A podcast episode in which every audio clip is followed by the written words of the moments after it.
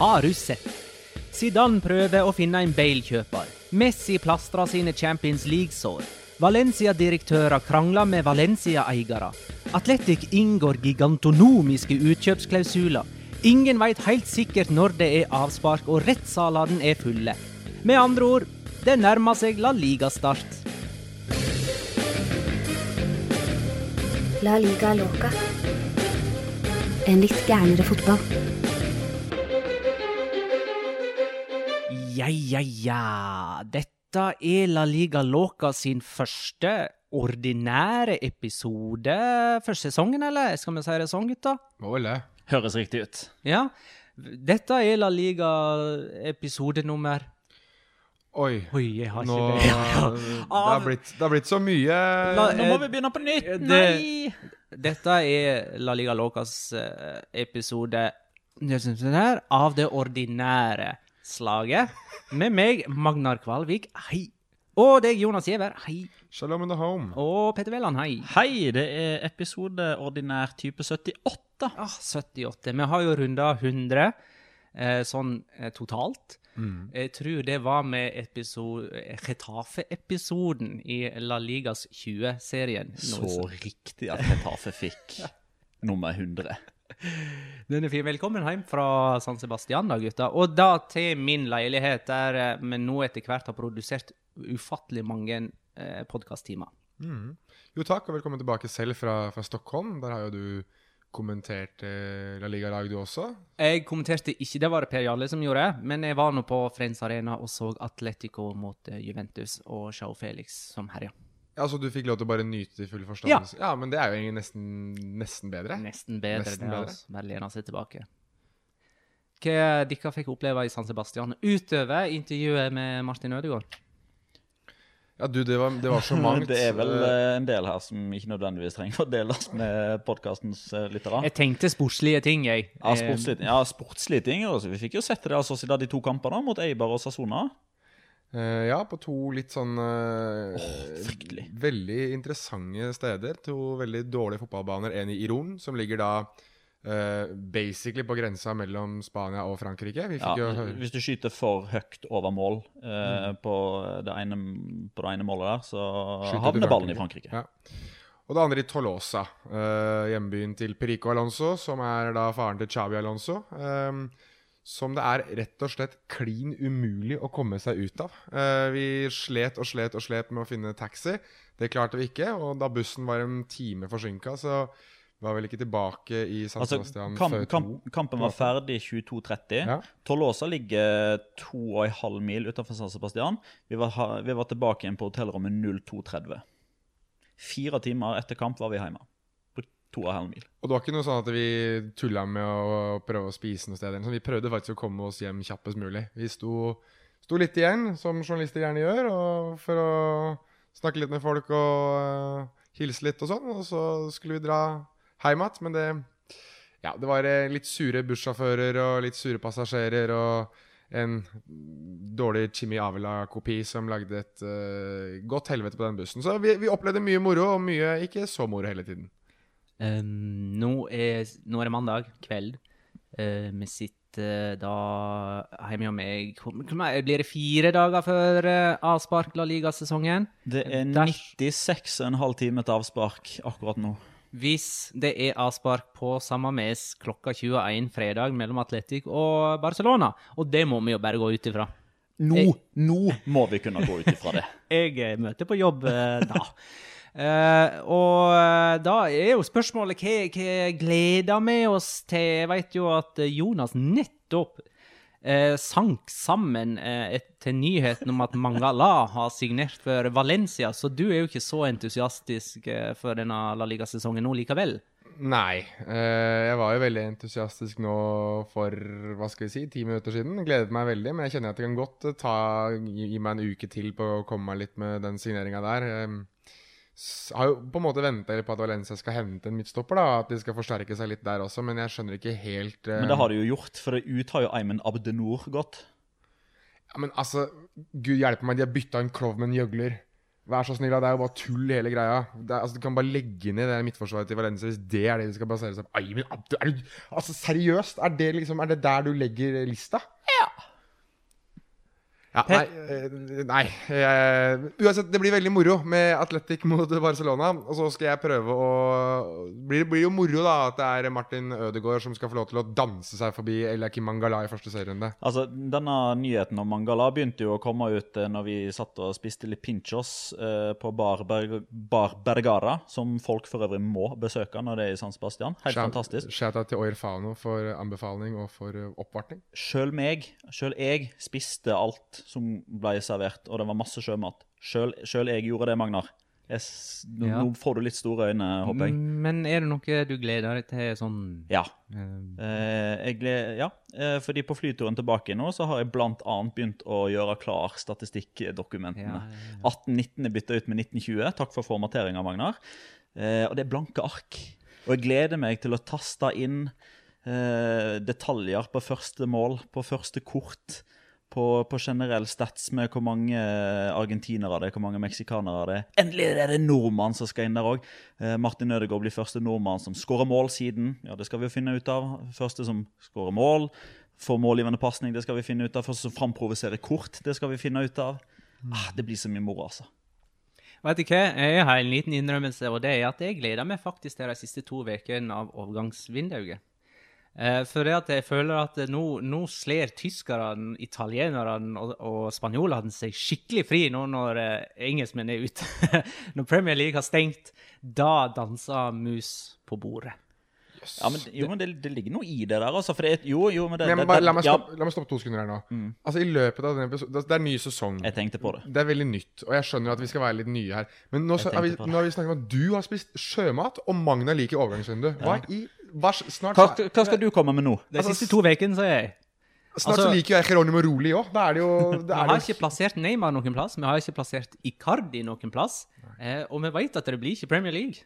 Nei, Nei dette, dette, dette, har vi det, altså? Ja, men dette har vi snakket om, at det, i, i enkelte situasjoner så vegrer spanske, italienske, og tyske og franske klubber seg.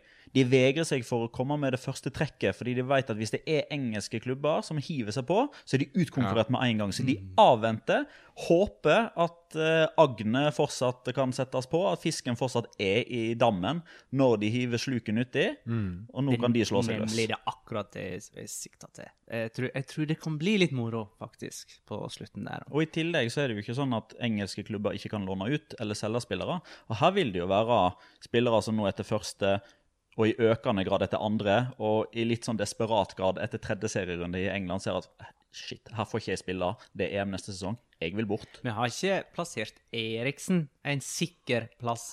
Vi har ikke plassert Pogba en sikker plass noen plass i Europa ennå heller. Så, øy. Jo, men du.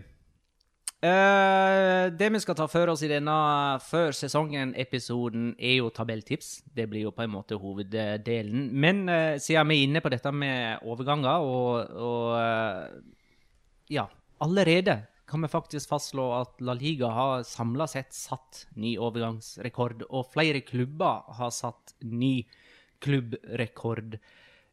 Og det er jo faktisk da med, med ganske mye igjen av overgangsvinduet, med store navn fortsatt der ute. Er det noen som tør å, å spekulere hva dette kommer av? Eh, det er jo økte inntekter. Bare det, tror du? Først og fremst. Det gjør at de kan ta litt større risiko. Og det er jo en, det, det- altså, jeg, jeg tenker at det er først og fremst eh, TV-avtalen og økte inntekter eh, på bakgrunn av eh, suksess i Europa og i La Liga over de siste årene. Atletico Madrid eh, er jo jeg håper si, de som har tjent mest på spillersalg denne sommeren. Så de har jo òg fått masse frisk cash inn som de kan bruke.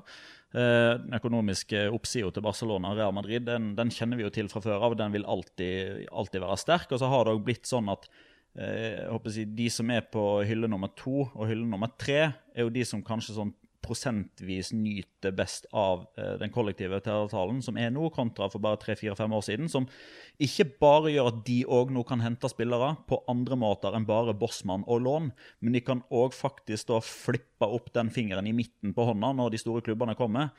Hvis, før så kom de med skambud, og så var de litt mindre klubbene bare Yes, endelig får vi litt penger. Vær så god, ta den. Nå kan de stille litt mer krav. Vet du, men jeg tror jeg den som var uh, katalysatoren for det, egentlig. Tror det er Levante med Jefferson Lerma. Og det Bournemouth-interessen der. Hvordan de egentlig bare satte seg på bakbeina skal dere ha den, så må dere opp. Dere må betale mer penger hele veien. Og det tror jeg har Det tror jeg er første signalet man virkelig fikk på, på den uh, økonomiske ikke makta, men i hvert fall tryggheten som man ser fra de litt mindre klubbene i La Liga. At det, måten man har forvaltet pengene på, måten man rett og slett ikke er avhengig hele tiden av store spillersalg, gjør at man kan ta seg større friheter og litt mer guts da, i, i det økonomiske. Det, det, tror jeg er det som egentlig er La Ligas store vinning her. At du har klubber med, med sportssjefer og, og, direktører som rett og slett har forvaltet pengene sine på en sånn måte at det ikke sitter i noe risiko. Og da kan du sitte og si til Bournemouth og til de store klubbene i England som har masse, masse penger, at vi vet at dere har penger, vi vet at dere vil ha spillerne våre, men da får dere se og betale de pengene vi ønsker også. Og det er veldig nytt, og det er veldig, det er veldig moro, og det gjør at vi får ting som dette, og at vi får en liga som er økonomisk i oppsving. Ja, for det er jo ikke bare de store klubbene som eh, trasher sine gamle overgangsrekorder. Det gjør gjerne de mellomstore òg. Mm. Eh, skal vi ta noen av eh, de store overgangene, alle inkludert, alle klubber inkludert? Altså Show Felix, eh, f.eks. 1,2 milliarder, var det? Den, den aller dyreste. Ja, du får ta valutaomformeringa. Jeg, jeg tar jo alltid dette her i millioner euro. Ja, riktig. 126. Det er jo den største overgangen eh, i sommer. Ja, og da eh, overtar han statusen som tidenes dyreste fra Thomas LeMar i Atletico. Det var jo i fjor, Eh, Ja. så, så de bare sprenger den rekorden år etter år. Helt riktig. Og Barcelona de har jo ikke satt ny rekord, men allikevel altså 120 eh, jeg, eh, i én avbetaling, cash eh, bortimot. Skal ikke si at de kom med med 120 millioner euro i kofferter til La Liga-kontoret. Det er vel lov å taste inn noen KID-nummer og litt sånn, men der er det jo ikke noe avbetaling. Er, altså, det er 120 millioner euro, bang, sånn. Kontra f.eks. da Coutinho Dembélé, som både er avdrag og klausuler, variabler og you name it. Kanskje greit å at de kjøpte Antoine Griezmann. Du har ikke sagt om det var de kjøpte. Sant. Takk. Ja, Eden Hazard Ja, det er jo da Real Madrids eh, rekord, egentlig. Ja, det blir jo rekord. Mm. Eh, spesielt hvis man tar med sånn variablene. Men altså, ja, altså Noen hevder jo at Gareth Bale var 101, og at Eden Hazard bare er 100. Men Gareth Bale var 101, og det var det. Uh, mens Eden Hazard, altså med en gang han uh, debuterer, så er han dyrere i form av en av de enkleste variablene der. Så Og i tillegg så har jo Real Madrid kjøpt uh, Jovic, uh, Mendy, Mendy. Mendy, Er det Militao? Rodrigo Rodrigo og så Kubo. Uh, det er jo for så vidt kanskje reservelagsspillere tiltenkt, eller utlån til og med, da, på på sånne som Kubo iallfall. Men det er jo ganske mye de legger på bordet, og den samla summen blir ganske stor. Og det samme med Barcelona, med Griezmann og eh, de Jong. Eh, Og de er jo ikke ferdige heller. Nei, ikke sant? Eh, Sevilla har ikke kjøpt nødvendigvis det aller dyreste, men det jo ikke veldig mange som Men de har, ligger på sånn- likevel, de har likevel satt ny rekord. Det Den har de, ja. Ja, Jules Condé, Ja. stopperen, han ble den dyreste på 25. Og det var jo snakk om at Steven Bergwijn eh, fra PSV kom til å toppe det igjen. Eh, men eh, ultima åra er jo at eh, det blir Ronny Lopez fra Monaco i stedet, for en litt lavere sum der igjen. Men altså, Monchi han har virkelig slått seg løs i prissjiktet fra 10 til 25 millioner euro. Altså Der er det åtte-ni mann som har kommet inn da, for en samla sum som passerer tresifra millioner eh, euro. Eh, og de har faktisk ikke solgt så mye ennå. Altså det er klart, han har jo faktisk klart å pushe eh, 18 millioner euro ut av Atalanta for Louis Moriel. Og bare det er jo nok til å vende seg mot Mekka og legge seg ned på kne. Quincy Promises er solgt, Pablo Sarabia eh, gikk for litt over eh, Ja, den var jo for billig. Den var, den var for billig, men det var klausul. Sånn er det. Fikk ikke gjort noe med det. Eh, og så ryker jo Ben Jedda nå, da. Eh, en av de som ikke har splæsja ut, er vel kanskje Valencia, altså sånn av det skikkelig store. Uh, hva er det Maxi Gomez som er den dyreste? Ja, i og med at Silles Neto Ja, ikke null- sant? For det ja, der det er bare nuller en hverandre. utnulling, Ja. og, og en, eh, et spill med financial fair play. Ja. Nå er Maxi Gomez også ble jo noe billigere grunn Santimina som gikk andre veien også. Så det er jo Val Stemmer det. Valencia har jo forvaltet seg på en litt mer sparsommelig måte. Men det har jo kommet fram at det har også blitt gjort litt pga. de interne konfliktene mellom Alemani og Peter Lim, f.eks. At det har vært spillere som f.eks. Alemani har ønsket å hente, som Peter Lim har satt seg på bakbeina og sagt at han ikke vil ha, og vice versa. Rafinha blant annet er jo en av eh, de spillerne som diskuteres mest, og som man tenker at skal inn, og som har vært nær ved å bli signert, men så er det noen som ikke har vært like happy med det. og man ser jo det at de skal ha kommet til og nå sier jeg det i, hermetegn, til en enighet og til en forsoning eh, rundt den situasjonen i Valencia. Så da skal de jo sikkert ha inn et par eh, flere spillere. Men jeg mener når første Men når vi ser på de som blir linka hit nå, da, så det, det er ikke noen av de som kommer til å være i nærheten av Maxi Gomez i pris. altså Det er Jaume. Costa,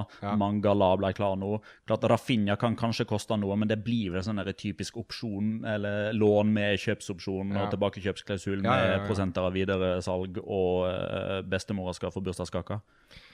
Ja, riktig. Altså, det, det blir, jeg synes, men jeg syns det egentlig er greit det er for Valencia sin del at de ikke de gjør så veldig mange store endringer. Nå så jeg også at det var koblet Det var vel Marca som skrev det at uh, Atletico Madrid er inne og snuser litt på Rodrigo nå.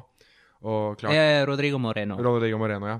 Og klart, hvis det, hvis det skjer, da må man ut. Og da er det jo Da kan vi kanskje drømme litt om f.eks. Mauri Cardi på Mestalla, da.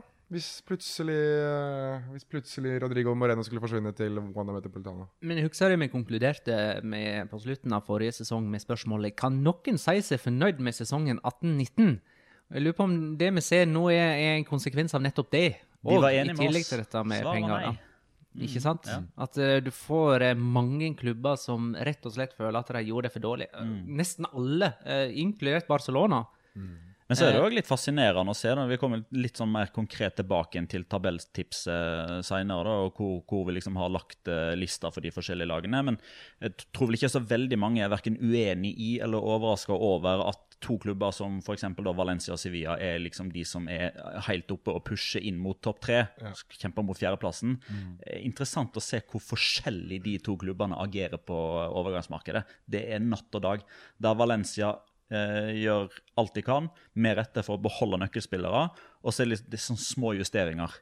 De bytter Santimina med Maxi Gomez. De henter inn Mangala for, uh, i et håp om at han skal våkne litt grann igjen. Uh, bytter keeper. by, by, ja, de bytter keeper. De skal ha inn en som pusher Gaia litt. Grann. De skal ha inn en som pusher uh, Kokkelen sentralt. Mens Sevilla det er liksom bare okay, greit. Elleve mann ut, elleve mann inn. Det er bredde, mer bredde og forsterkning på posisjoner i, i Og eh, kontinuitet, og kontinuitet i Valencia. Så spørs det om det, om det gjør vei i vellinga. Men jeg, vil bare ta opp et lite poeng, bare sånn slik at vi har diskutert det. For det er en av de tingene som har vært et, et stort diskusjonstema på Twitter spesielt, er jo signeringen til Betis av, av Nabil Feker.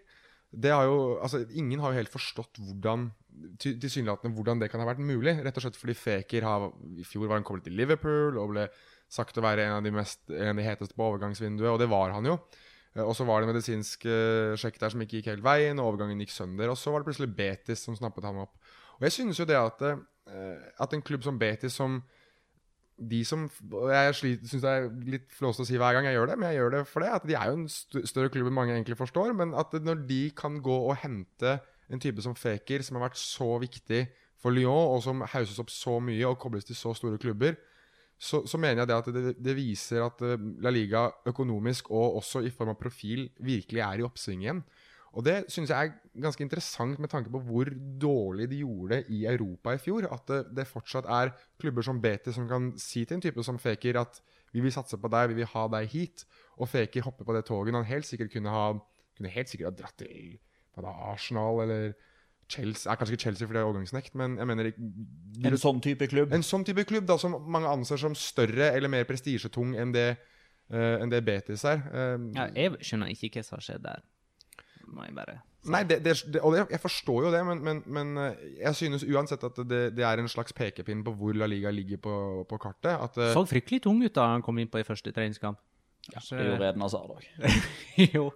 Men du, det, har vært mye, har vært mye hummus og, og sånt nå på, på Nabil Fekir. Han har sikkert kost seg ordentlig i ferien. Det syns han skal få lov til. Men med denne utviklingen, og nå må vi snart runde av denne delen eh, Jeg er faktisk litt be bekymra om dette kan gå på bekostning av, av den gode talentutviklingen som, som eh, spanske klubber har gjort i mange år. Altså, sånn fra fra sånn 2008, da, da Real Madrid og Barcelona var i sin egen klasse og hadde sin egen liga, så var de andre klubbene helt avhengig av en enormt god tankegang innad i sine klubber og i sin struktur, og var veldig gode på det. Og i den perioden, fram til eh, ja, altså de siste ti årene, så har spanske klubber levert stort i europacuper og, og den slags. Ikke bare de to store.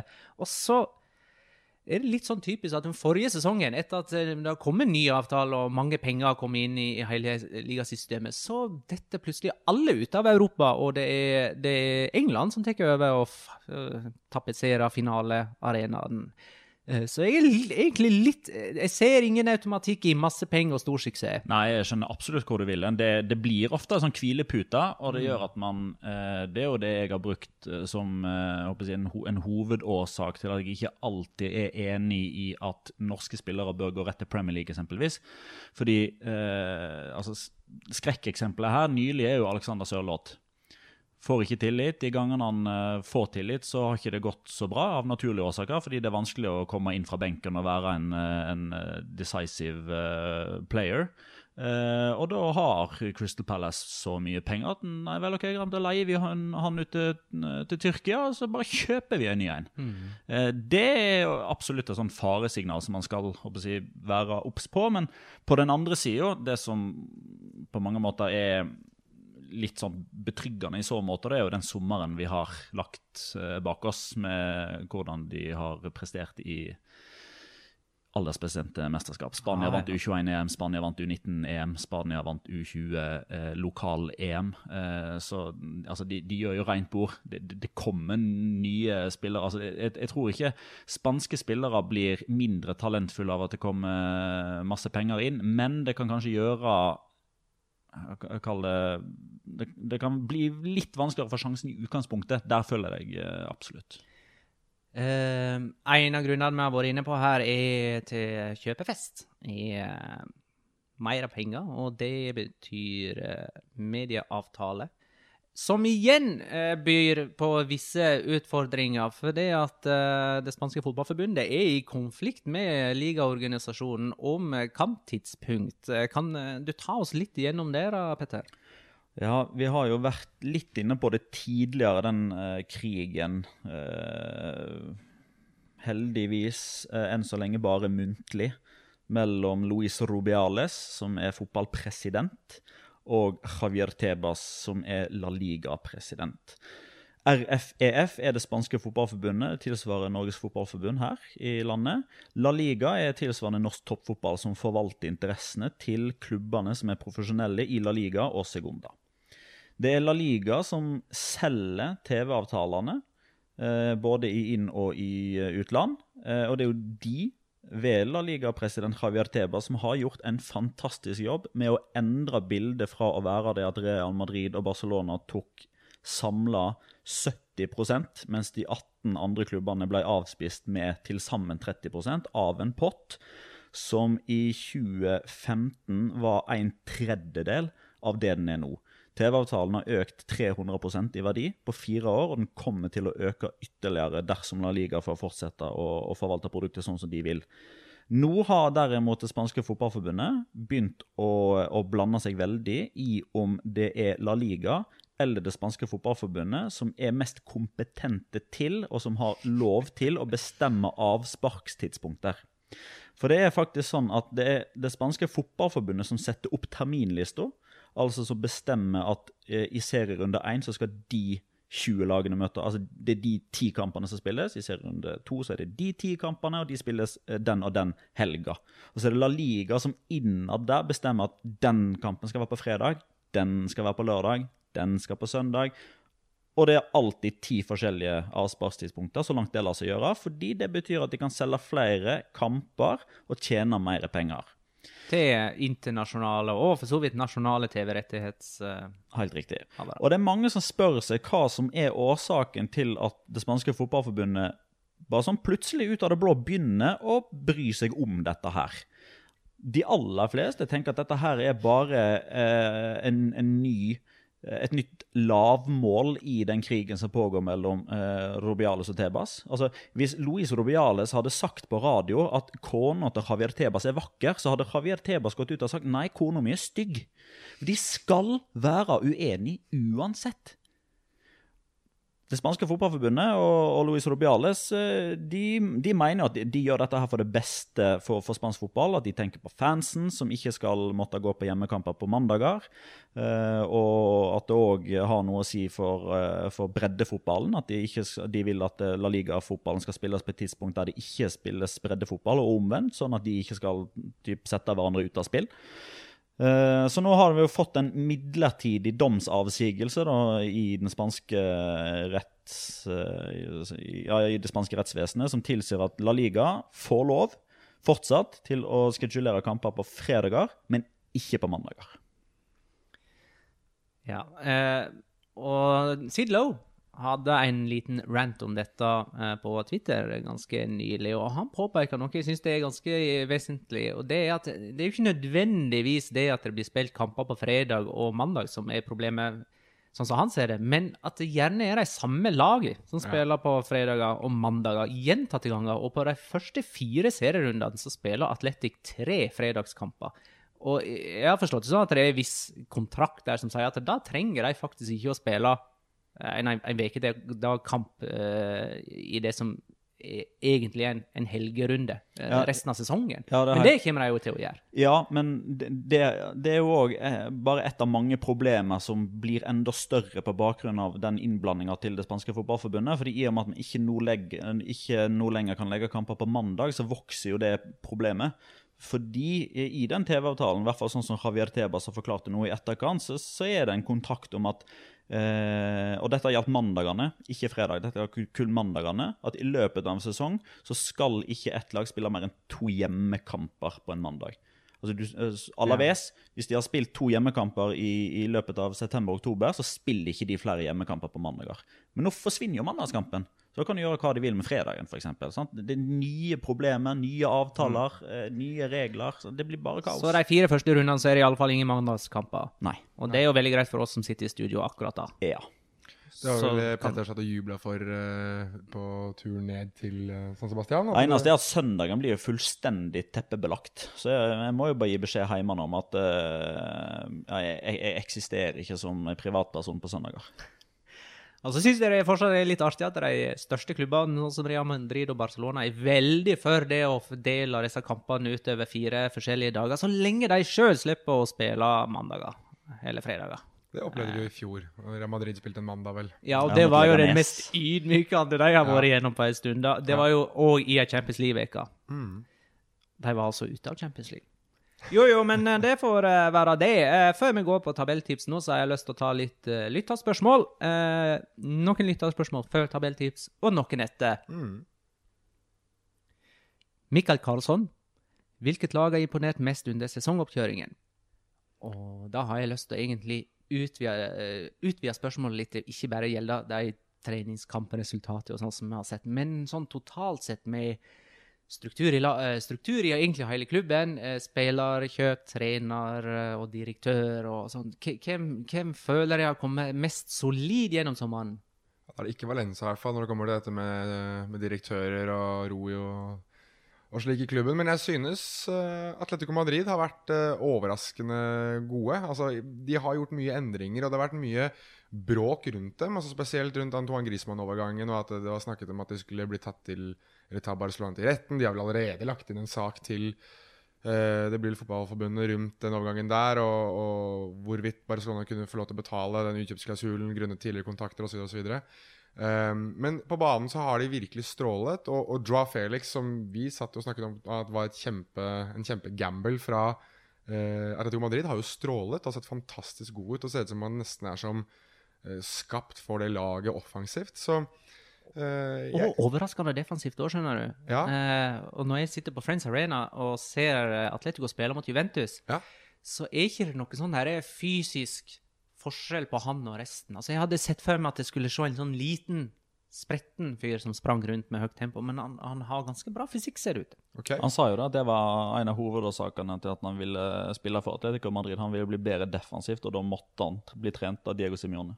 Ja, så har du Pro- Proff Ortega der, da, som kommer Altså, Hvis ikke du kommer i form av Proff Ortega, så tror jeg ikke du kommer i form. Ok, så må vi bare svare Atletico på den, da. Ja, jeg, jeg vil sagt Jeg er glad for at du svarte det, for det gir eh, treningskamper egentlig null eh, verdi. Jo, jo, men eh, derfor så nevnte jeg denne totalpakken og det Ja, ja. totalinntrykket. Men da kan jeg bare nevne da at Granada er det eneste laget som har vunnet alle treningskampene de har Ja. spilt i sommer. Greit. Eh, Carl M. Torgrimsen. Vil den nye utspillsregelen føre til at enkelte lag sjeldnere prøver å stenge av eh, femmeterutspill? Det er jeg spent på å se. Jeg er spent på å se den taktiske eh, jeg, videreføringa av høyt press. Tør man å spille seg ut? Skal man eh, rett og slett bare jeg, prøve å, å låse av allikevel, eller skal man bare ja, jogge tilbake igjen på egen halvdel og stå i etablert forsvar? Sånn som jeg har forstått det på eh, fotballanalytikere, altså de taktiske analytikerne, så er dette en regel. Altså det med at eh, ballen er i spill så fort han blir eh, ja, er i bevegelse og ikke trenger å forlate 16 meter på utspill fra 5 meter. Det er en regel som er en fordel for de som ønsker å spille seg ut, Ja. og en ulempe for de som ønsker å sette opp det presset. Og det er det veldig mange i Spania som eh, har gjort inntil nå, i alle fall. Jeg er helt enig med deg i akkurat det. Jeg har sittet og lest en del sånn taktiske analyser på dette her med at man kan uh, spille seg ut inni egen, uh, inni egen boks. Så det er vel Genoa-trener Andreas Soli som har allerede begynt å, å fikle litt med hvordan dette skal fungere i spill i Serie A. Og han har jo gjort det på en måte der keeperen eh, egentlig er første Altså han, han blir en del av nesten en trebekslinje, for han går høyt. og de spiller seg ut og heller flytter en, en forsvarsspiller opp i, i midtbaneleddet. Så de er alltid i overtall eh, når de skal spille seg ut. Og jeg tror at eh, store taktikere og tenkere i både i La Liga og rundt omkring i Europa kommer til å benytte seg veldig av den taktiske løsningen det er nå å kunne begynne nærmere eget mål og kunne spille seg ut gjennom første pressledd. Så jeg tror de lagene som ønsker å stå høyt, de kommer til å måtte være enda mer intensive og, og være enda smartere i måten de presser av. Men det de kommer til å gjøre da, er at de kommer til å tillate seg veldig mye mer bakromste. Spørs hvem som klarer å utnytte det best. Men at den regelendringen der kommer, den eh, Jeg tror det er en oppmuntring til lag som ønsker å spille det veldig mange betrakter som fin, attraktiv pasningsfotball. Eh, så det tror jeg vi kommer til å se mer av i Spania. Og så en kjapp en her fra Sven. Hvem blir den første treneren som får sparken? I Jonas? Åh, vanskelig, vanskelig, vanskelig, vanskelig. vanskelig. Uh, Petter? Jeg tror den første treneren som får fyken, heter Han heter Paco Lopez. I Levante. Ja. Da sier jeg Fran Escriba i Celta Vigo. eh, herregud eh, Nei, men Jonas, du får ikke svare på spørsmålet når du ikke klarer Jo, men jeg kommer ikke på levere på sekund. Jeg kommer ikke på navnet hans i farta. Ja, ok, hvilken klubb er han i? Klubb, Han, Ja, det står S. David Gallego. David Gallego. David Gallego. Så det er ikke bare jeg som vil komme på navnet hans. Nei, um, men, uh, Men nå fant vi på det jeg. Ja, du måtte bruke litt tid, men uh, Jeg så, jeg så dumt på deg, Jonas. Ja, du gjorde det. Men jeg kom ikke på navnet hans. B-lagstreneren som er blitt uh, hentet opp. Jeg tror at det kommer til å bli veldig mye for Spanjol å gjøre i år. Sorry, jeg endrer svar til Sergio Gonzales i Valladolid. Unnskyld. Ja, han, det er han var greit. den andre jeg vurderte. Men uh, David Gallego er mitt. Ja, da har vi landa på mange navn, og nå husker ikke jeg noen av dem. Og vi treffer ikke. Nei, det er greit. Da går vi på tabelltips. Og jeg vil at vi skal begynne med kampen om europaligaplasser. Men uh, ikke ta femteplassen. Nei. Eh, for da avslører vi i Jo. litt for mye hvem vi har på topp fire. Så jeg vil at vi skal ta liksom seks, sju, åtte, kanskje ni. Eh, og da tenker jeg at vi liksom er i det sjiktet der eh, jeg er spent på hva dere sier om eh, Real Sociedad, f.eks. Er de i dette sjiktet Atletic eh, klubb, kanskje? Kanskje Villarreal har sneket seg opp fra nedrykksstriden og inn i det sjiktet der? Det er jo dere som har satt opp tabelltipset, mens jeg ikke veit det. Så nå er jeg bare spent på resultatet. Du er jo en klok mann. Du, og samtidig så er det jo sånn at når, når man skal rangere klubbene da, altså vi, ikke nødvendigvis med å hensynta kvaliteten på spillertroppen fra sesong til sesong, men størrelse på klubben, på hvordan de har gjort i de siste ti årene, hvor, hvor, man på generelt grunnlag skal forvente at de er på tabellen, så har man jo noen hyller. Mm. Og det er som regel de samme lagene som, som er på hyllene før sesongen. Og når man ser på tabellen ved slutt, eh, når, når sluttstreken settes, så sitter vi litt sånn, sånn som vi gjorde i mai og tenker at ja, Celta Vigo de skuffa, for de havna for langt nede. Vi Real skuffa, for de havna for langt nede. Altså Zidane skuffa. Uh, Atletic skuffa fordi de ikke kom i, i Europa. Og det, det, er litt sånn de, de, samme mistenkte som er mistenkt nå òg. Eh, det er litt sånn han storebroren som, som alltid får skylda. Ja, det er blitt litt sånn, og, og vi ser jo det vi, vi, var overraskende enige på de plassene her, synes jeg. Eh, litt fordi at jeg tror vi begge satt, eller vi alle tre kanskje satt, med den feelinga på at det var så mange som underpresterte, og som sitter med et mye høyere nivå inne enn det de fikk levert i fjor. og Eh, på mange måter så synes jeg tabellen i fjor Hva angår nivå da, og, og toppnivå på klubbene, så er det løy tabellen lite grann. Eh, og det tror jeg vi ikke kommer til å se så mye av denne sesongen. Jeg tror at veldig mange av de litt større, de litt usual suspects som du snakker om, Petter, de kommer til å hevde seg i langt større grad igjen i år. Men jeg, jeg tror um, det kommer til å være et greit sprik fra 3-4 og ned til disse plassene. Jeg vil bare si at uh jeg prøver alltid å se liksom, på forhånd. Hvem blir den store negative eller positive overraskelsen? Og Forrige sesong så var det veldig mange negative overraskelser. Så det å ikke treffe på én av dem, det er faktisk utrolig skuffende. Hvem blir nummer seks denne sesongen? her? Der har vi Real Betis, eh, og det var begge enig i. Vi er faktisk, eh, vi satte opp hver vår tabell, og både sjette, syvende og åttendeplassen er vi helt enige eh, med hverandre i. Jeg kan bare kjapt forklare hvorfor vi mener at de, de fyker fem plasser oppover på tabellen. Da, for de ble jo nummer elleve sist. Hvis ikke nummer ti. Fire plasser opp. De spiller ikke i Europa. Uh, de har bare hjemlig liga å, å, å fokusere på. Mm.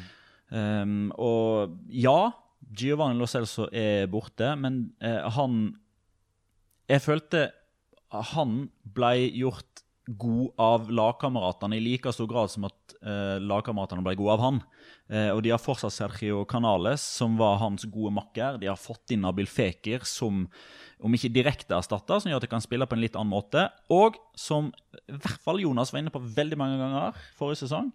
De hadde ikke en spiss da, som bare kunne stå foran der og dytte kula i mål.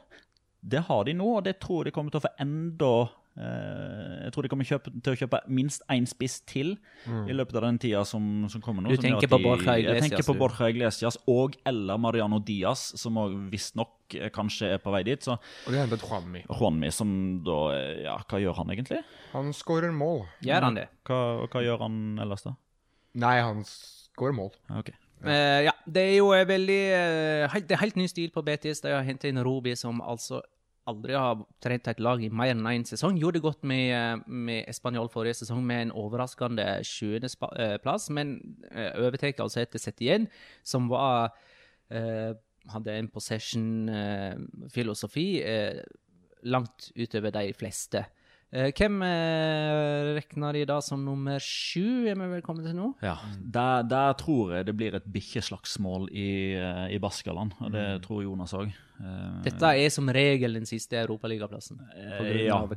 Syvendeplassen har spilt i Europa nå, jeg tror det er åtte år på rad, fordi den som har vunnet Copa del Rey, har endt topp seks mm. i La Liga, og da er det ikke cup taperne Det er ikke eh, finaletaperen, men syvendeplassen i La Liga som får spille i Europa.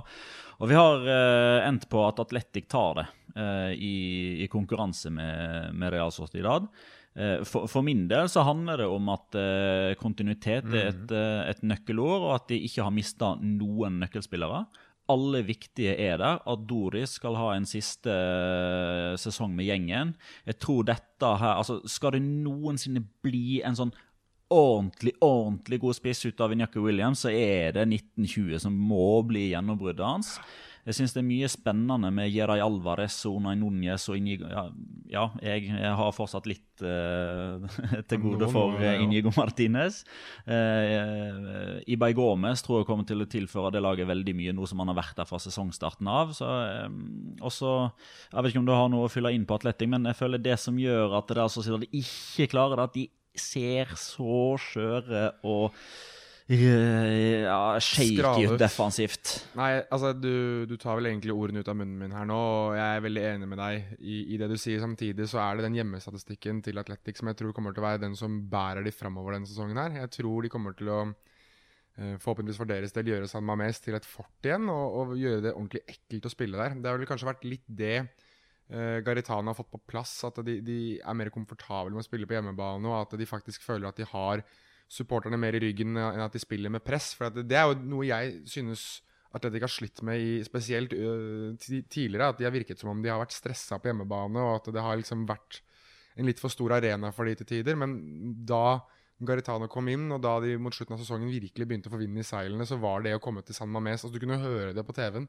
At det her, det her er stort. altså. Nå, nå smeller det i veggene ordentlig, nesten uansett hvem som sto på andre banehalvdel.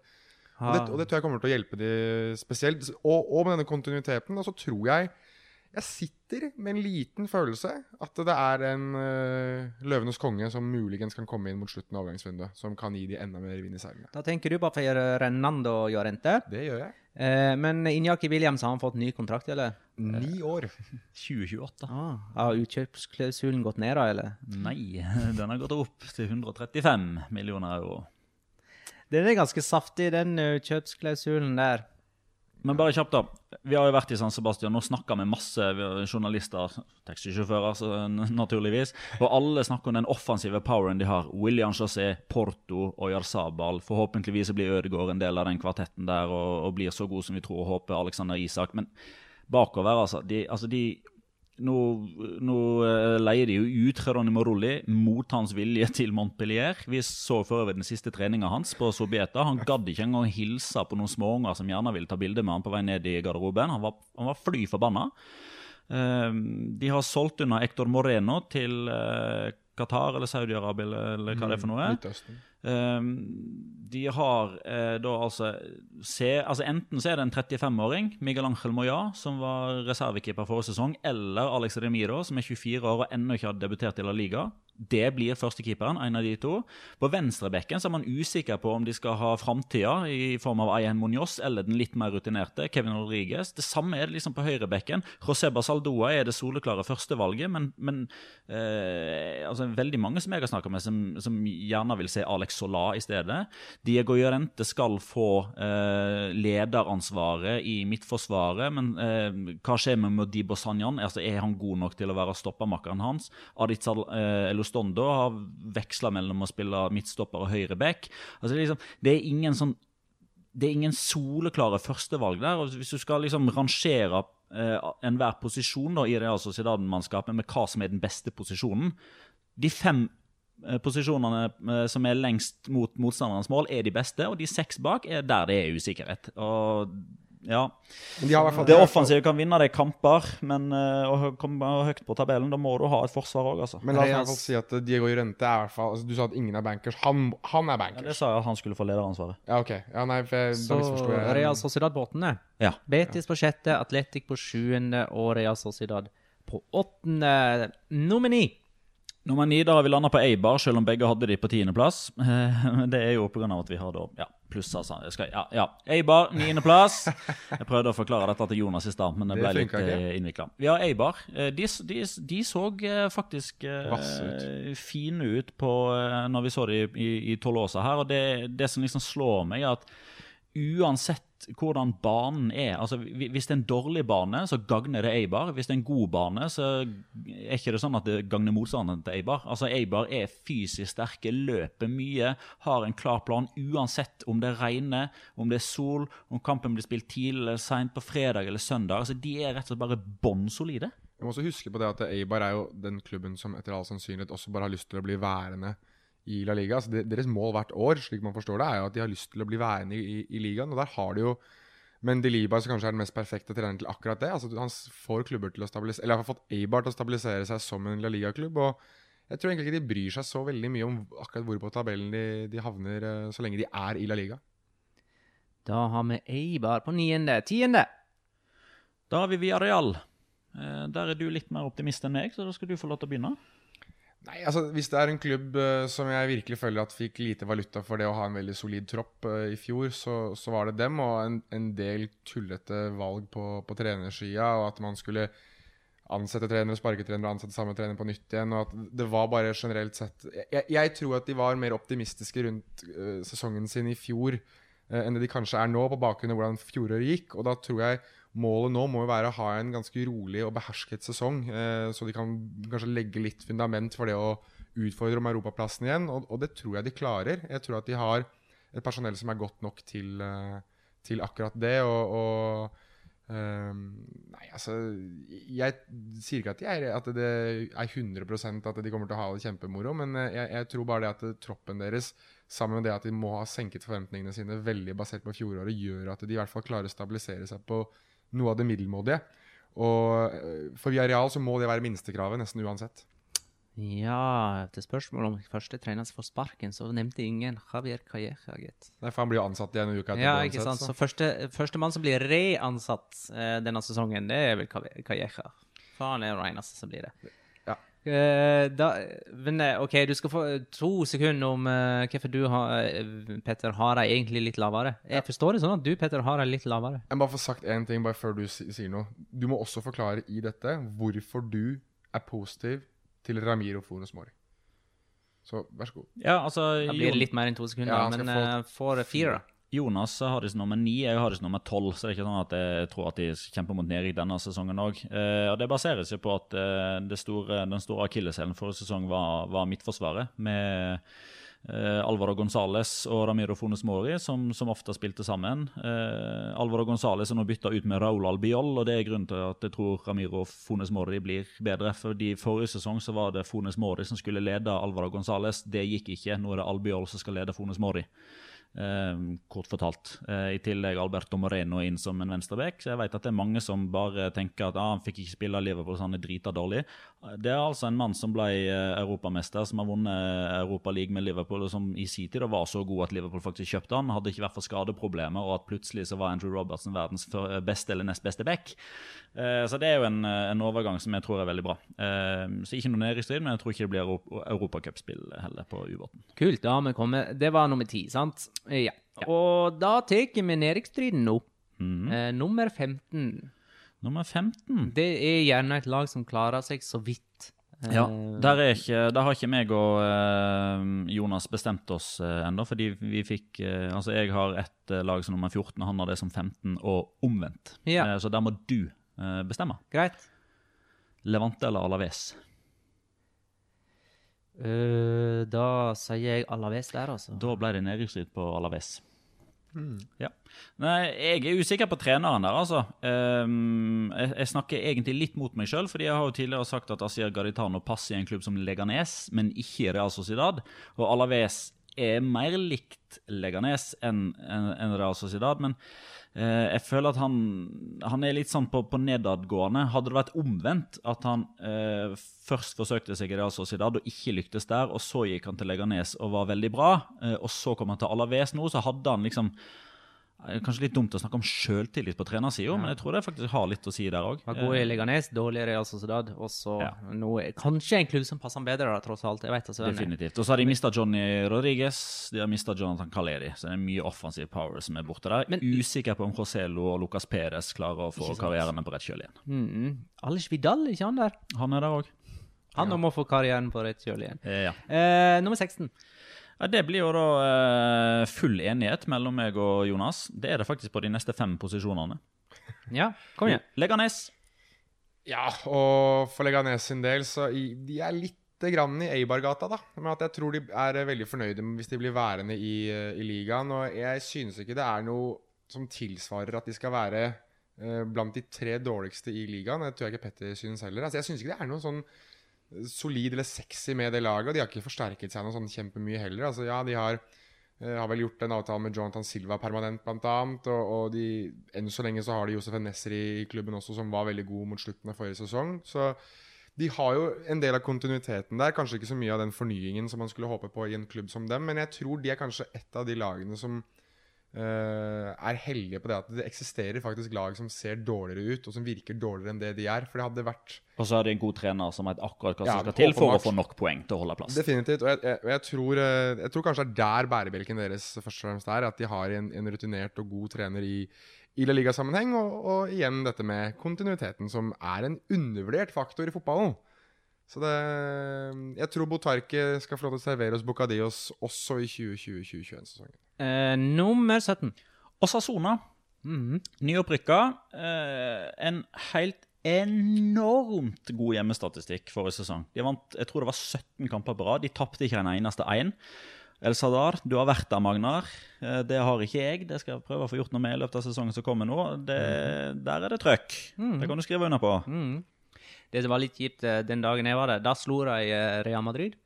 Det var at jeg satt uh, inni en sånn betongkloss uh, som Altså innendørs, uh, med et headset som ikke hadde publikumslyd. Så jeg var egentlig litt sånn låst uh, vekke fra det trøkket som var der. Det var litt synd. De har beholdt alle nøkkelspillerne sine fra forrige sesong, bortsett fra Carlos Clerc, som eh, gikk på utgående kontrakt til Levante. Og så syns jeg de har gjort gode investeringer. De har faktisk tørt å bruke litt penger.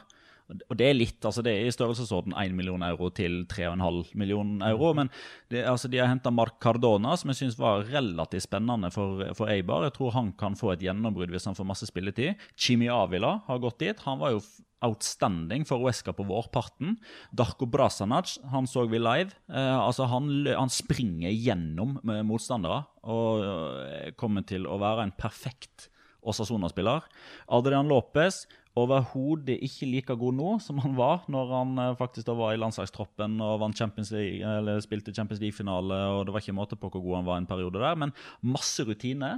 Og fra Kondoronkalja en alt- annen type. altså Masse nye spillere som har La Liga-erfaring, som veit hva det går i. Det er akkurat det punktet der som jeg skulle komme til, jeg også. At de har hentet lurt og erfaringsmessig smart. Altså De har hentet spillere som vet hva det betyr å spille i La Liga. Som, altså, en type som Facundo Roncaglia henter du hvis du bare skal sikre plassen. Og det, For en klubb som, som Osasona så er det en, en nøkkelsignering. Og uh, Adrian Lopez, Chimi Avila altså, Og det, det er spennende enkeltspillere som i sine beste stunder kan altså, endre et kampbilde alene, hvis de virkelig får det, får det til. Og så synes jeg at vi skal nevne Jacob Arrazata her nå. Altså treneren til uh, Osasona, som har La Liga-erfaring, og som jeg tror også han er en sånn type som vet litt hva, hva det betyr å bare dra ut kamper og få ett poeng. Altså Der hvor du trenger kun ett poeng, der tror jeg han klarer å endre kampbildet såpass fra, fra sidelinja til at han får det, får det han trenger. Og det er gull verdt for Osasuna. Og som, som vi snakket om veldig mye i fjorårssesongen mot slutten, det er ytterst sjelden at de tre lagene som rykker opp, også rykker ned samme sesong. Og det, jeg tror eh, jeg tror Osasuna kommer til å fortsette den tradisjonen med å være en klubb som rykker opp og som blir værende. Det er det første nyopprykka laget de kan nevne. Det er det. Eh, nevnte de at de gikk ubeseira i sekunder hjemme? Mm. Ja, du nevnte kanskje det. Estopinian nevnte du han. Nei. Eh, Kunne venstre ha gjort. som, Ja, som er henta fra Mallorca. Mallorca. Og eh, jeg så han i playoffen da. Eh, Jeg syns han var solid, altså. Det, det er spennende investering. da. Verdt å påpeke her at det var en liten guttunge som eh, dyttet meg unna veien i, i Ron fordi han så Estopinian eh, som vi, han ville ha autografen til. Dytta meg eh, basically vekk. Da er vi på næringsplass. Ja, og den første næringsplassen har vi gitt til Granada. Eh, som jo òg er eh, nyopprykka, og som ble nummer to i sekunder. Hakket bak Osasona. Så de to følger jo hverandre, men på, på hver sin side av streken. Eh, altså, grunnen til å være optimistisk her er jo at de, de har litt La Liga-erfaring fra nylig tid. Altså var fra 2011 til 2017, var det vel. Vi hadde fem-seks strake sesonger. Det- Ja. Her, her er det veldig mange som vet hva det går i.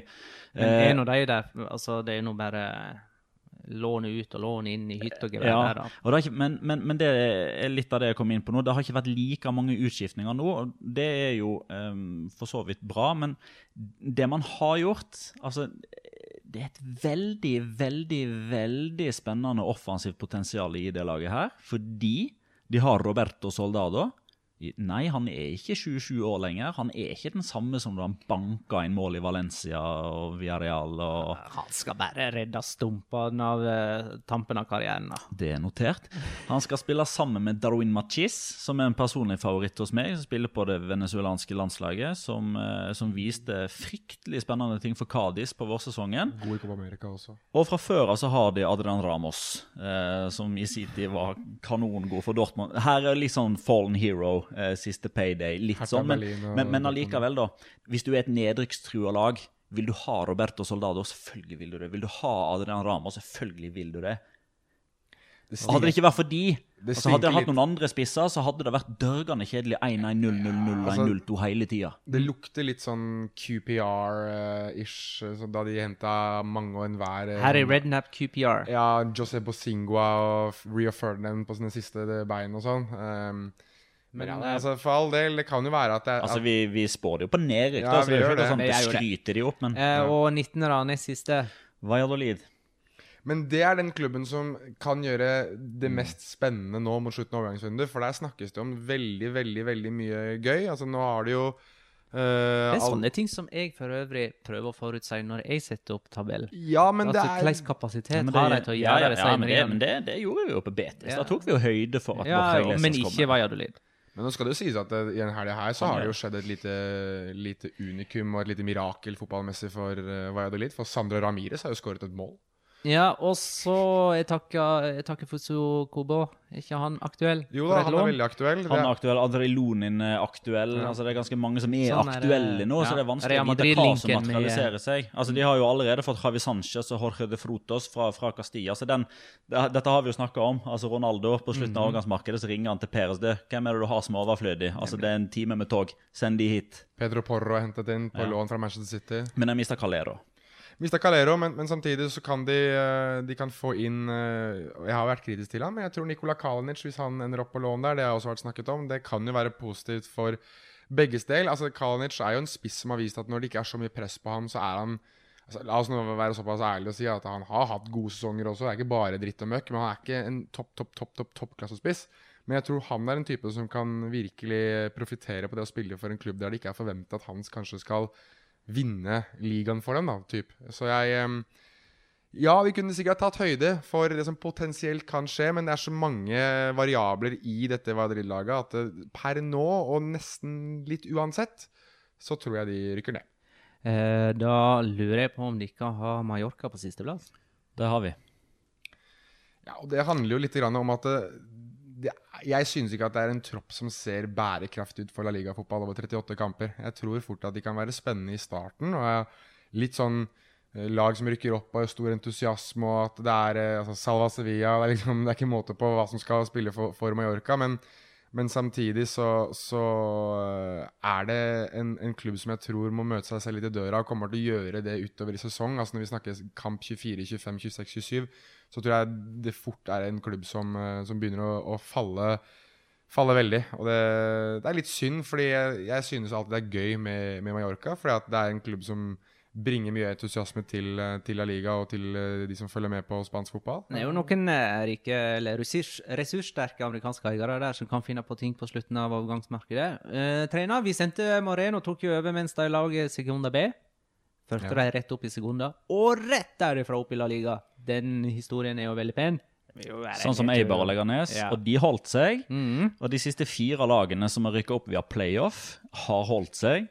Eh, så det er liksom enkelte ting som gjør at kanskje Mallorca kan gå litt sånn under radaren og være litt undervurdert. og sånn, Men men litt sånn i motsetning til Osasona, da, som vi tror holder seg. altså, de, altså Veldig mange av de spillerne de har henta, for meg, helt ærlig, har ikke peiling på hva de har å by på. Nei. Altså, Aleksandr Trajkovskij, Lumor Agbenui, Igor Zlatanovic, Aleksandr Sedlar, Pablo Chavaria, Ante Bodimir, Martin Valjent. De to siste så jeg litt i sekunder forrige sesong, men det er forskjell på sekunder eller Liga. Dette er spillere som kommer fra ligaer som eh, og, altså det, det er Serie B, det er polsk liga, det er Rem i Frankrike, det er Crotone, Kiev, lag man ikke ser så ofte. Skal være ærlig å si, De ser jeg ikke så veldig ofte, så jeg er veldig usikker på hva de faktisk har å by på. OK, før vi tar nå topp fem, så ta kjapt 11, 12, 13 og 14. Ja, eh, 11 er jo da Retafe. Eh, jeg tror det skal vanskelig la seg gjøre å kopiere den eh, forrige sesongen. Dels fordi koden blir litt lettere å knekke nå, fordi man har en sesong bak seg der man ser hva de har gjort og ikke gjort. De skal ut i Europa.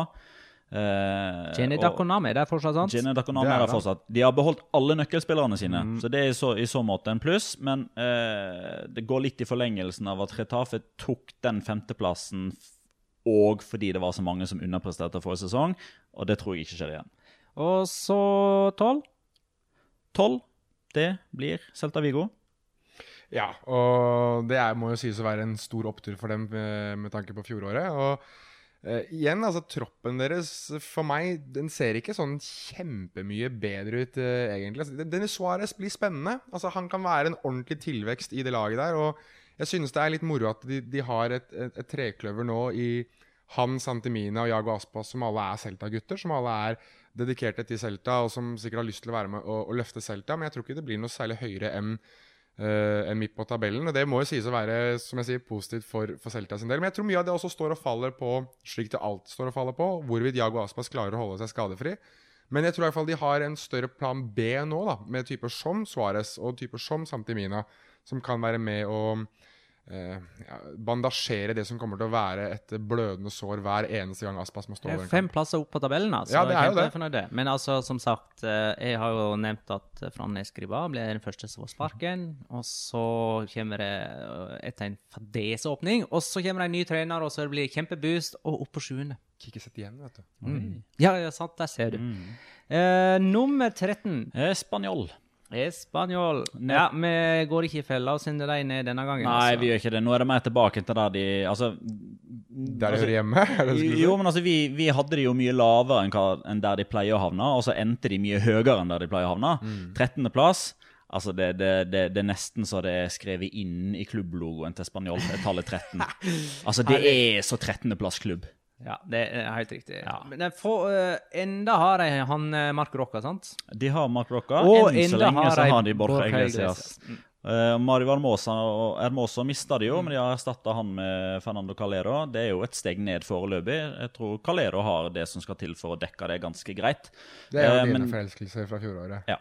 Uh, men de skal spille i Europa. Det sliter på, og de kommer til å få Sevilla-syndromet, uh, da de starta preseason lenge før alle andre. Allerede nå så har de spilt tre offisielle kamper. De kommer til å ha spilt eh, vanvittig med kamper hvis de når Europaliga-gruppespillet. Sevilla tok ett poeng mer forrige sesong i som europaligalag enn året før. Så det gikk jo faktisk litt opp. Bare sånn at det er sagt. Ja, Um, men ned på tabellen. Ja. 14.-plass. Eh, ja, det ble jo da Levante, da. Det bestemte jo du.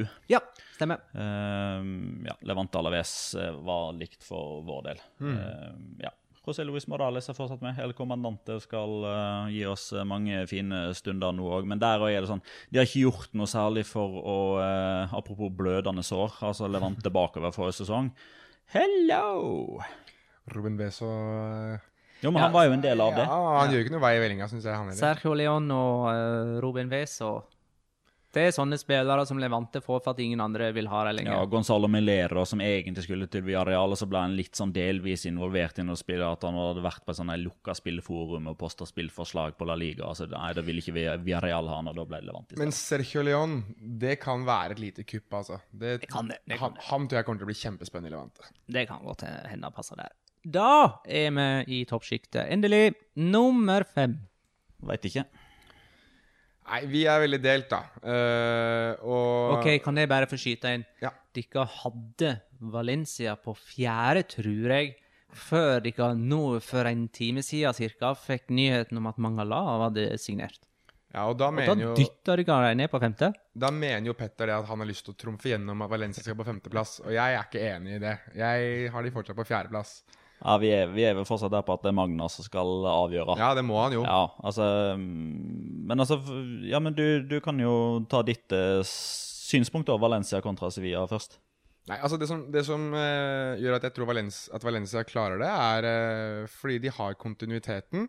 De har uh, fiksa eh, Altså, de har fortsatt fått inn en god spiss i, i Gomez som jeg tror kommer til å garantere en del eh, mål for dem. Jeg synes at det at de fortsatt har Marcelino, gjør at de har kontinuitet på trenersida. Hvis de klarer å, å senke skuldrene sine og eh, også på direktørsiden at det ikke er så mye bråk på kontorene, slik de er i Valencia, så tror jeg de har den troppen, den kontinuiteten som er nødvendig for å klare eh, klare det helt inn. Og jeg, og jeg, tror ikke at de kommer til å være så lenge i Europa heller. Altså, jeg, de, er, veldig ofte uheldige med gruppene sine i Champions League. Uh, de går da rett inn i Europaligaen. Det er godt mulig. Ja. Så de kommer til å vare en stund. Det kan godt være det, men jeg, jeg tror, uh, jeg tror Valencia har altså Hvis de skal hente Rafinha hvis de skal hente Jaume Costa, så har de en bredde i troppen nå som de kanskje ikke hadde i fjor. Det var jo flere spillere som måtte spille posisjoner der de ikke var komfortable. Så jeg mener totalt sett under ett, og det at de er litt de samme som i fjor, gjør at jeg tror at de også klarer å oppnå de samme resultatene som i fjor, da de egentlig hadde et nedgangsår.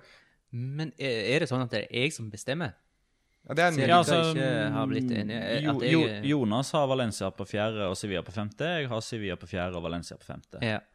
Da bestemmer jeg eh, faktisk at eh, Valencia blir nummer fire og Sevilla nummer fem.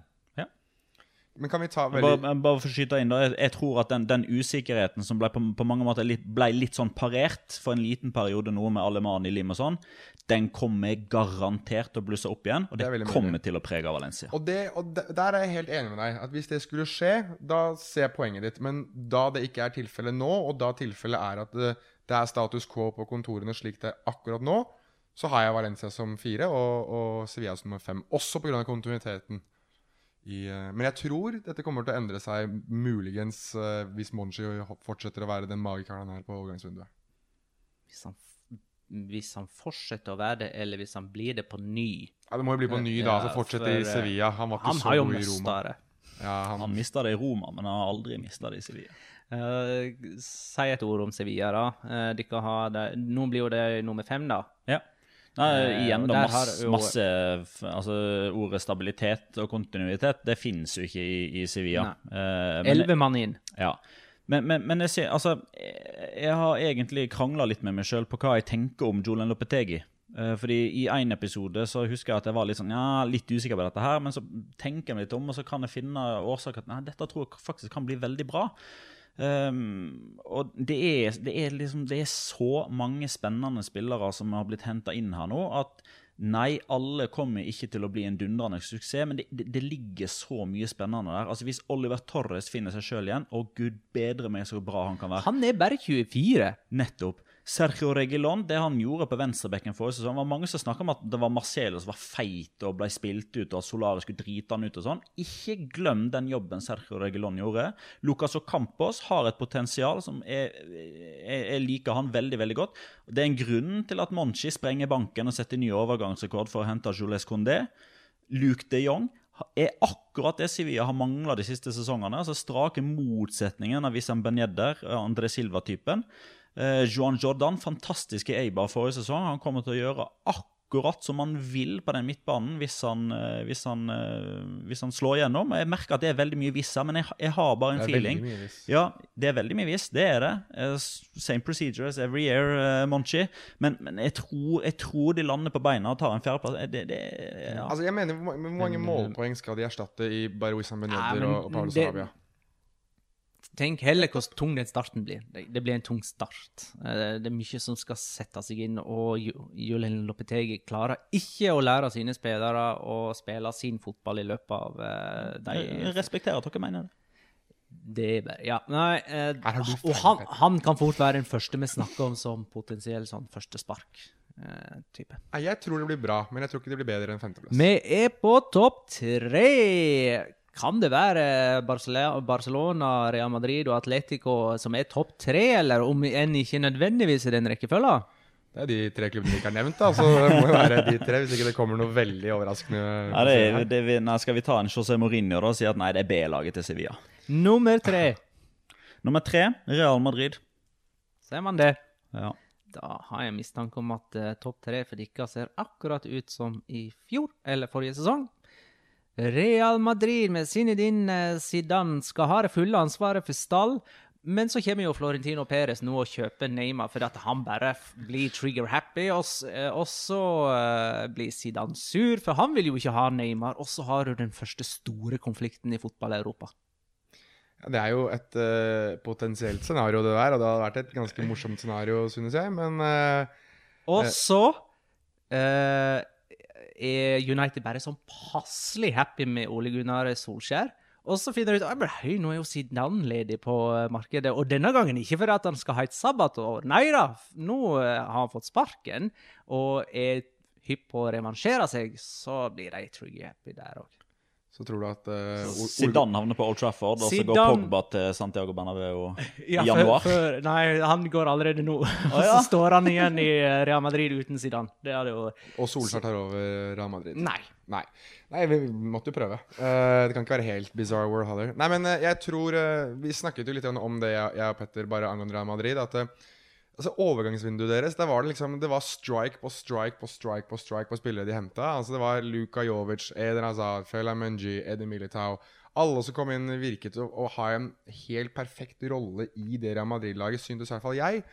Og, og, og de virket som de i hvert fall gikk inn for å uh, fikse på de manglene de hadde i fjor. Men når vi sitter igjen nå 12. august, så er det fortsatt et gediget hull på midtbanen som jeg føler at de må fylle. Eh, Modric blir ikke, noe, blir ikke noe yngre. Og Tony Cross Jeg er liksom ikke helt sikker på om han er den midtbanespilleren han var for fem år siden, han heller. Så jeg, jeg synes at den Pogba-jakta har gitt veldig veldig mening. Jeg synes at Christian Eriksen hadde gitt veldig veldig mening, han også. En jeg ikke syns gir mening, er Donny van de Beek. Jeg syns ikke han er uh, den typen som Real Madrid trenger på midtbanen sin. Det viser statistikken også, at du får egentlig ikke noe særlig mer med van de Beek enn det du har fått fra en Modic i nedadgående kurve og 2019s versjon av Tony Cross. Så mm, inntil de klarer å hente en, en litt mer en, en hærfører på midtbanen, en kar som kan virkelig røske tak fra sentralt på banen, så, så føler jeg ikke at Real Madrid egentlig har gjort noe særlig som får meg til å virkelig bli entusiastisk eh, rundt dem. Da. Selv om jeg, jeg gleder meg veldig til å se en litt mer fitt fit og klar uh, Eden Hazard eh, kutte inn fra venstre. Det er jo det store plusset her, Eden Asaad. Eh, vi har snakket om det litt tidligere. Altså, jeg, jeg, jeg klarer liksom ikke å finne noe Altså, Jeg kan jo selvfølgelig komme på årsaker, eller finne på årsaker til at han ikke skal bli fantastisk god i Real Madrid. Men da lyver jeg for meg sjøl. Altså, jeg tror Edna Hazard kommer til å bli helt fantastisk for Real Madrid. Jeg er helt overbevist om at Real Madrid kommer til å bli langt bedre denne sesongen enn forrige sesong. Det sier veldig mye mer om forrige sesong enn denne sesongen, tror jeg. Mm. Men jeg tror rett og slett at, at det tittelracet i eh, La Liga kommende sesong kommer til å være en, av en sånn karakter at når vi sitter i mai, så kan det godt hende at vi igjen liksom oppsummerer med at hvem har egentlig grunn til å være fornøyd. Jo, serievinneren har grunn til å være fornøyd, og ikke nummer to og nummer tre, fordi alt som gjaldt, eh, var å vinne. Men, men de kommer til å ta mange flere poeng kommende sesong. Både Atletico Madrid og Real Madrid, tror jeg. Det som gjør meg usikker, og det er, Jeg snakker ikke mot meg sjøl nå, nå skal jeg bare unngå at folk arresterer meg. Men det som har skjedd i treningskampene, og da tenker jeg ikke på resultater, jeg tenker ikke på hvordan enkeltspillere har sett ut, men jeg tenker på det at Sinedin Sidan nå plutselig, helt ut av det blå, skal begynne å trikse og mikse med spillere med tre stoppere. Og så skal spille med, plutselig spille med tre stoppere nå, det har de gjort i halvannen av de to siste treningskampene. Det vitner for meg om at han har ikke lenger den kontrollen som han håper jeg, mener at han skulle ha, eller burde ha hatt på nåværende tidspunkt, i og med at han kom inn i mars. Det gjør meg veldig usikker. Den er grei. Eh, tror vi kjører nummer to, er da. Ja, og det er byrival Atletico Madrid. Eh, For øvrig, bare før vi nevner det, Mm. eh, det kinesiske og det engelske markedet er stengt for Gareth Bale. Ja. Eh, og han er ikke interessant for eh, Real Madrid. Det er vel ganske tydelig. Så, ja, det er vel Valladolid da, som ringer Ja. eh, på slutten av vinduet. Lån der, altså. Det er masse fine golfbaner oppe i Castilla y León. Nummer to var Atletico Madrid, hørte jeg. Det er riktig, det. Og altså det, det er jo på bakgrunn av det at de Jeg synes ikke at de ser noe svakere ut enn det de gjorde i fjor. Og i fjor så hadde de iallfall en dårlig sesong i Europa. Og jeg tror egentlig at det, en del av insentivet deres er å reise kjerringa litt i Europa, men samtidig klare å vedlikeholde en, en eh, viss standard i um, en viss standard i La Liga også. Jeg, jeg synes Man snakker om, om Joao Felix, og man snakker om at de har fått Alvaro Morata permanent osv., men jeg synes Hector Herrera på midtbanen, eh, meksikaneren, er gått så vanvittig under radaren. Han er helt ekstrem på sitt beste, og er en spiller som igjen kommer til å gå sømløst inn i, i det laget til uh, Ikke i førsteelveren, tror jeg. Altså i startelveren, tror du det? Jeg tror at han kommer til å spille Ser ikke sånn ut i Hvis det skal ta ut av- ut ifra treningskamper, i alle fall. Nei, jeg, jeg tror han kommer til å spille seg inn der. jeg. Jeg, Ja, det kan godt jeg, er, jeg, altså, jeg kan godt at jeg er litt for mye Ector Herrera-fanboy, men Jo, jeg jo, syns han er endrer jo seg fantastisk. Det må være lov. Mm. Jeg syns Ja. at han, han er ja, han, fall- eh, han må jo gli rett inn i ethvert Simione-system. Definitivt. Us usikkerheten her er jo at de har mista mange spillere som var veldig viktige. Ja. Altså Griezmann, Filipe Luis, Juan Fran Torres, Diego Godin, Rodri. Altså Det er veldig mange spillere som spilte veldig mange kamper. Og da tenker jeg sånn så at Normalt sett så blir det veldig usikker. Ok, Nå blir det masse endringer, og de trenger litt tid og diverse. Men, men er det én plass man gjerne ikke nødvendigvis trenger så mye tid å gå inn i et sømløst system, så er det Atletico Madrid, fordi det er så satt. Du får så klare retningslinjer når du kommer på trening der, i motsetning til Zinedine Zidane, som rett før seriestart begynner å eksperimentere med en helt ny formasjon. Det gjør ikke Atletico Madrid. Nei. De skal Og- spille 4-4-2. Og så har du jo egentlig en fornying der, der eh, det før kan ha vært en slitasje mellom mange spillere og Simone, Simione og, og, og spillere som kan være litt sånn trøtt på det systemet. Men så kommer det jo inn ganske mange nye fjes som er innstilt på dette her, og som gleder seg, virker det som. Definitivt. Og jeg tror faktisk at det er en ny giv. altså Typer som Josema Jimenez, som kommer til å være nå altså ledestjerna i Forsvaret. De kommer til å kunne stå mye høyere i forsvar fordi de ikke lenger har Diego Godin. altså De kan forsvare seg på helt nye måter. Ja, De er kanskje ikke like kompromissløse i luftrom og, og duellspillet, men du kommer muligens til å se et, et Atletico Madrid som er mer proaktivt i forsvarsspillet sitt enn det de har vært de siste to sesongene. da. Og det synes jeg er ekstremt spennende, når de i tillegg da har fått inn veldig mye eh, kompakte og eh, altså dynamiske spillere sentralt i banen. Du snakket jo selv her om Joe Felix, hvordan du selv satt og så ham, eh, Magnar, og at han ser ut som en kar som er mer ivrig på å forsvare seg og gå inn i, i, dette systemet enn kanskje tidvis Antoine Griezmann kan ha vært da, mot slutten av, av sitt opphold i Atletico Madrid. Det er mulig. Og jeg ser jo at de forsvarer seg i en rimelig stram sånn 4-4-2 eller 4-4-1-1. Ja. Eh, og når de angripes, og, og da Joe Felix på høyre altså, og eh, Thomas Lemar på venstre Og når de angriper, så klarer de to å bytte ganske bra på å trekke inn litt sånn mer i en fri rolle sentralt eh, og kombinere med spisser. Så eh, det spørs hvordan den friheten der Hvordan de klarer å utnytte den, og hvordan eh, Hvor mye frihet de egentlig får. Vi må egentlig også nevne altså, vi må nevne at Atletico Madrid og Real Madrid møtte hverandre i preseason. Ja, Det må vi faktisk nevne. Og- 7-3 ble det der. Og så har jo Atletico Atletico. Madrid de har jo faktisk blitt nummer to de siste to, to sesongene, og tok åtte poeng mer enn Real Madrid forrige sesong. Så det er liksom ikke sånn at Hæ? Har dere Atletico Madrid foran Real? Altså, De har havna på andreplass to sesonger på rad nå. Aldri blitt dårligere enn nummer tre under eh, Simione. Og han går nå i gang med sin åttende fulle sesong. Altså niende sesong, da, hvis vi tar med den første halve. På toppen har Ica Barcelona. Det har vi.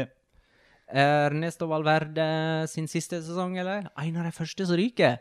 Oh. Nei. OK, greit. Skal jeg skal slippe den der nå. Men Frenke de Jong inn. Antoine Griezmann. En jeg syns er veldig spennende, er Junior Firpo, som de henta fra Real Betis på venstrebekken. Der har de da bedre dekning eh, for Jordi Alba, åpenbart. Det tenker jeg, da, i alle fall. Det er ganske åpenbart. Men eh, det kan jo hende at eh, andre ser annerledes på det. Um, har Griezmann større, større eller eh, bedre forutsetninger for å lykkes i Barcelona enn til dømes Coutinho? Ja. Jeg vil jo tro det. Altså, han er mer du, altså, I i angrepsspillet så kan han bekle flere roller, og jeg tror ikke han er såpass avhengig av å ha ballen i beina for å være effektiv som det Coutinho har. Og, og jeg tror at relasjonene mellom ham og en type som Messi kommer til å sitte mye mer på bakgrunn av at de kommer til å bevege seg i, basert på hverandres eh, bevegelsesmønster, da, enkelt og greit. Og det er noe med Coutinho som jeg synes er litt trist. For at det, individuelt så er han en av verdens absolutt morsomste spillere å se på, men kun med ballen i beina. Og det, er, eh, det tror jeg ikke er sånn Når du spiller på et lag med Lionel Messi, så kan du ikke forvente å ha ballen i beina like mye. Og vi må huske at Antoine Griezmann er jo en spiller som Altså Han er jo vant med å nesten gå 60 minutter er uten å røre ballen i det hele tatt. Fordi enten så sliter laget hans med å spille seg opp i banen og prøve å spille eh, gjennombudspasningen til ham, eller så er det rett og slett det at de ligger så lavt i banen. eh, eller har ligget så lavt i banen Atletico Madrid. Så, Ja, at de, og at de forsvarer seg. Nettopp. eh, og da, det tror jeg at det, det kommer til å være en helt åpenbaring for ham å gå inn i et lag som skal dominere kamper i langt større grad. Så jeg gleder meg veldig til å se, se Griezmann gå inn i, eh, i hvordan han fungerer i systemet. Jeg er litt skeptisk til hvor bra det blir, men at det blir bedre enn Coutinho, det er jo ikke så vanskelig, da. Og så har han jo allerede vist over mange år i to forskjellige klubber over tid at La Liga, altså det nailer han. Uh, Coutinho var spennende som unggutt i Español, og så var han fantastisk i Premier League. Og så, eh, så skal ikke jeg være sånn Klarte ikke La Liga men, men, men, altså Jo, men altså, det er jo en faktor oppi det hele. Det, uh, og, han, han, han, klarte ikke Barcelona. La oss nå være såpass klare på det. At ja. han, det er et system der som ikke passer ham. Mm. Vi trodde jo Da han kom inn, så var jo vi ikke samstemt nødvendigvis i det at han skulle være Andres Iniesta sin erstatter, men han skulle i hvert fall inn og ta noe av den rollen Iniesta hadde hatt. Men problemet var jo det at der Iniesta forsto bevegelsesmønsteret og var kanskje mer, mer, opptatt av det posisjonelle, så er Coutinho en spiller som er veldig ballorientert. Og jeg sier ballorientert, så mener jeg en spiller som er effektiv når han først har ballen i beina, og så ser han ikke så veldig mye ellers. Det så man jo i Liverpool også. Det var sikkert derfor jeg antar at Jørgen Klopp ikke hadde så veldig mye mot at han gikk til slutt, fordi han så det at laget stoppet opp i det offensive, i, det morsomme, i den morsomme fotballen da Coutinho skulle ha ballen. Altså Liverpool blåste i vei i angrepet sitt så fort Coutinho forsvant. Det var jo ikke noe verre, det. Så det at, eh, det at uh, Griezmann kanskje går inn og på sett og vis blir den som erstatter Coutinho i det offensive spillet, og kanskje også har en bedre kjemi med en type som Osman Dembele. det gjør at jeg tror uh, Barcelona i hvert fall kommer til å ha en større vinning med Griezmann enn de har hatt med med Coutinho. Ja, og så Noen ganger så er jo regnestykket bare såpass enkelt at man ser på tabellen forrige sesong. De vant med 11 poeng, og så har de forsterka laget med Junior Firpo og Antoine Griezmann. Eh, det er jo basically det som har skjedd. altså Malcolm ut og Griezmann inn. Eh, Thomas Fermalen ut og Junior Firpo inn, sånn i de to leddene. Lagmaterialet ser ganske bra ut, men så skal man jo ta sånne ting som kanskje Messi merker mer av slitasje. Kanskje blir det mer av slitasje mellom spillere og Ernesto Valverde denne sesongen. Det er mye som kan spille spille inn. Eh, så, men eh, nå har dere, og vi Jeg er jo eh, med på dette tabellen. Men de vinner ikke med like mange poeng. Nei. Det, det, det er greit. Det er kanskje og så vinner de Champions League heller, eller? Ja, det kan godt hende. Ja, okay.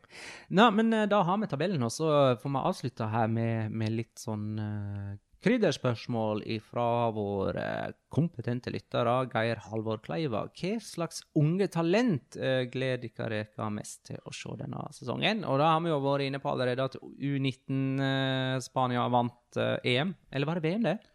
Nei, det er EM både U21 og U19. Ja, det var femte tittelen til Spa... Nei, ellevte tittelen til, til, U19. Det er rekord. Ja. Og U21-laget tok den femte tittelen, og det er rekord sammen med Italia. Ja.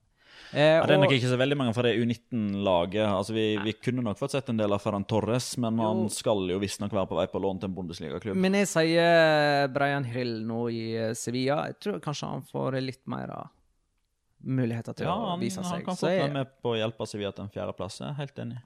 ja, du mener det, ja? Har ikke noen andre, eller? Eh, altså, han eh, Er det Olmo han heter? Daniel, Daniel Olmo. Ja, Det er litt synd at ikke han er å se i uh, La Liga. Kan hende han blir det, da. Ja, ikke altså, sant. Han, han, han vil jo bort fra Dinamo Zagreb. Mm. Så når de ryker mot Rosenborg i Champions League-playoffen, så ja, Er det for øvrig du som uh, Jeg er... ikke hvorfor han havner der, hvis det er det du skal spørre om. Det Nei, er så mange som Jeg aner ikke. Nei, jeg vet at folk har spurt meg også, men jeg tenkte at hvis det er noen som vet det, hvis ikke jeg vet det selv, så kanskje du visste det. Men jeg synes det er veldig veldig rart. Han er visstnok kroatisk statsborger også, så han kan spille for uh, Kroatia. Så her må Spania være kjappe på banen. Riktig. Torstein Nordby følger egentlig opp dette spørsmålet med eh, spillere eh, sånn type ukjente spillere vi mener kan være sånn topp fem one to watch. Da, da, skyter jeg, sier, eh, da, skyter jeg, inn Estopinian, venstrebekken til Osasona, som de henta fra Mallorca. Jeg har litt tro på han. Og eh, en annen Jeg har litt, eh, fortsatt tro på at Javion Ontiveros eh, blir henta fra Malaga til, til toppdivisjonen. Ja, det er til Villarreal i så fall. Ja, for, for eksempel. Så, og han er 23. Skal vi se. 21 er han. Mm. Så, er født seint 97, vel. OK.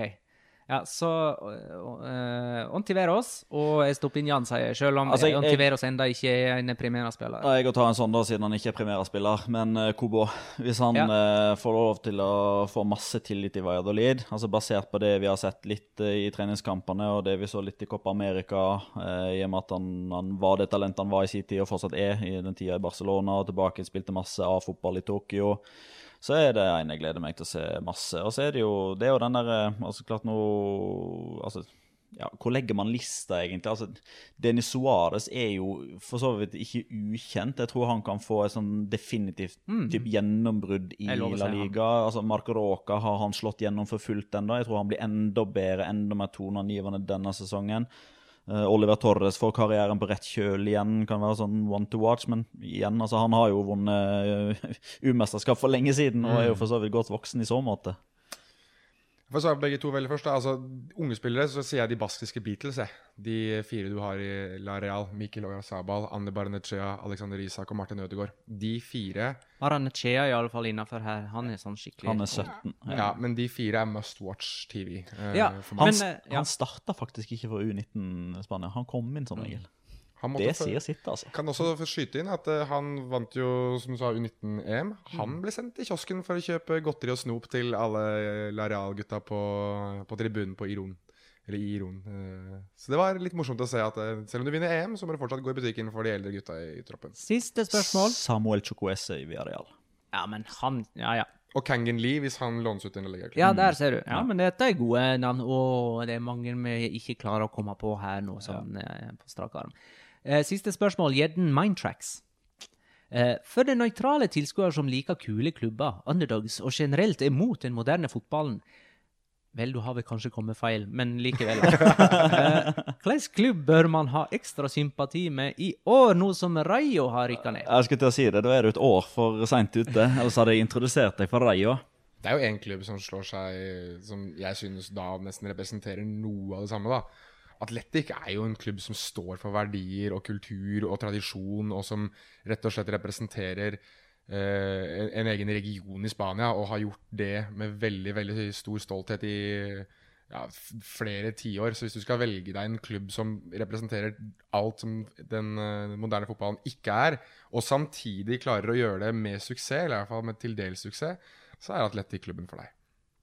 Ja. Så, ja, og så kan vi bare trekke fram et, et lag som Osasona, da, som som òg er veldig sånn eh, sterk tilhørighet til byen de kommer fra, altså Pamplona, og som rykker opp forrige sesong med utelukkende spanske spillere. Kun spanske spillere. Nå har de liksom piffa litt opp med argentinske Chimiavila og Pervice Stupinian fra Colombia, sånn, men altså, der er det 98 spansk og veldig mange lokale i tillegg. Vi skal tippe. Yay! Men før, før, vi, eh, før vi går på tippinga, skal vi kanskje gå igjennom hva tabelltipset vårt ble til slutt? Altså, Ja, jeg, kan ta, jeg kan ta det kjapt. Jeg, altså, vi, vi har brukt for mye tid her. Ja. Barcelona nummer én, Atletico nummer to, Real Madrid tre, Valencia fire.